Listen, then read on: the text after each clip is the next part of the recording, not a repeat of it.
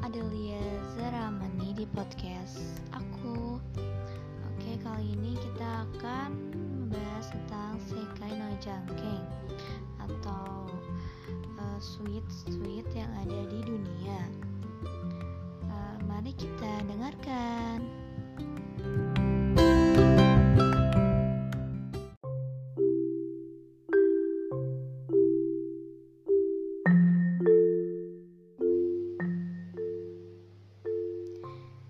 世界のじゃんけん。子供の遊びにはいろいろありますが鬼ごっこというのはだいたい世界中にある遊びのようです。その鬼はどうやって決めますか？日本ではじゃんけんで決めるのが普通です。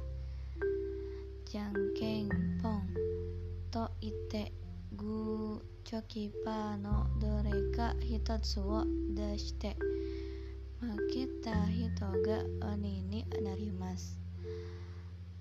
このじゃんけんも世界各地にあってよく似ています。手を握るグーさ石を指を2本出すチョキがハサミを手を開くパーが紙を表すのが一番多いです。石とハサミと紙の勝負ですから。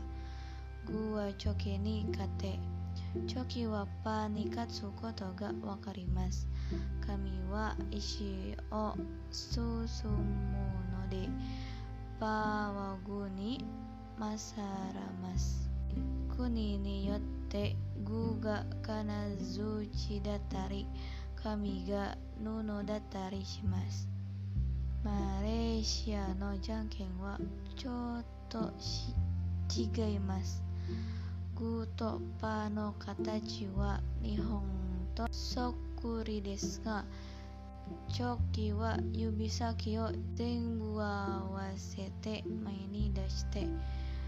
まるで鳥のくちばしのような形を作りますそしてパーは紙ではなくて水を表しますですから石と鳥と水の勝負ですインドネシアにもじゃんけんのような遊びがあります握り拳から親指だけを出すのが象で人差し指だけを出すのが人。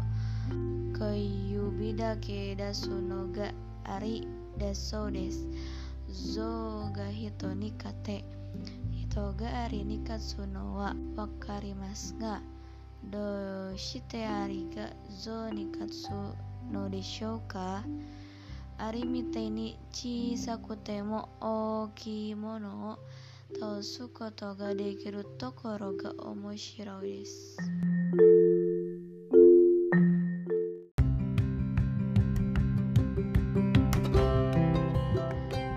Oke, sekian uh, episode kali ini.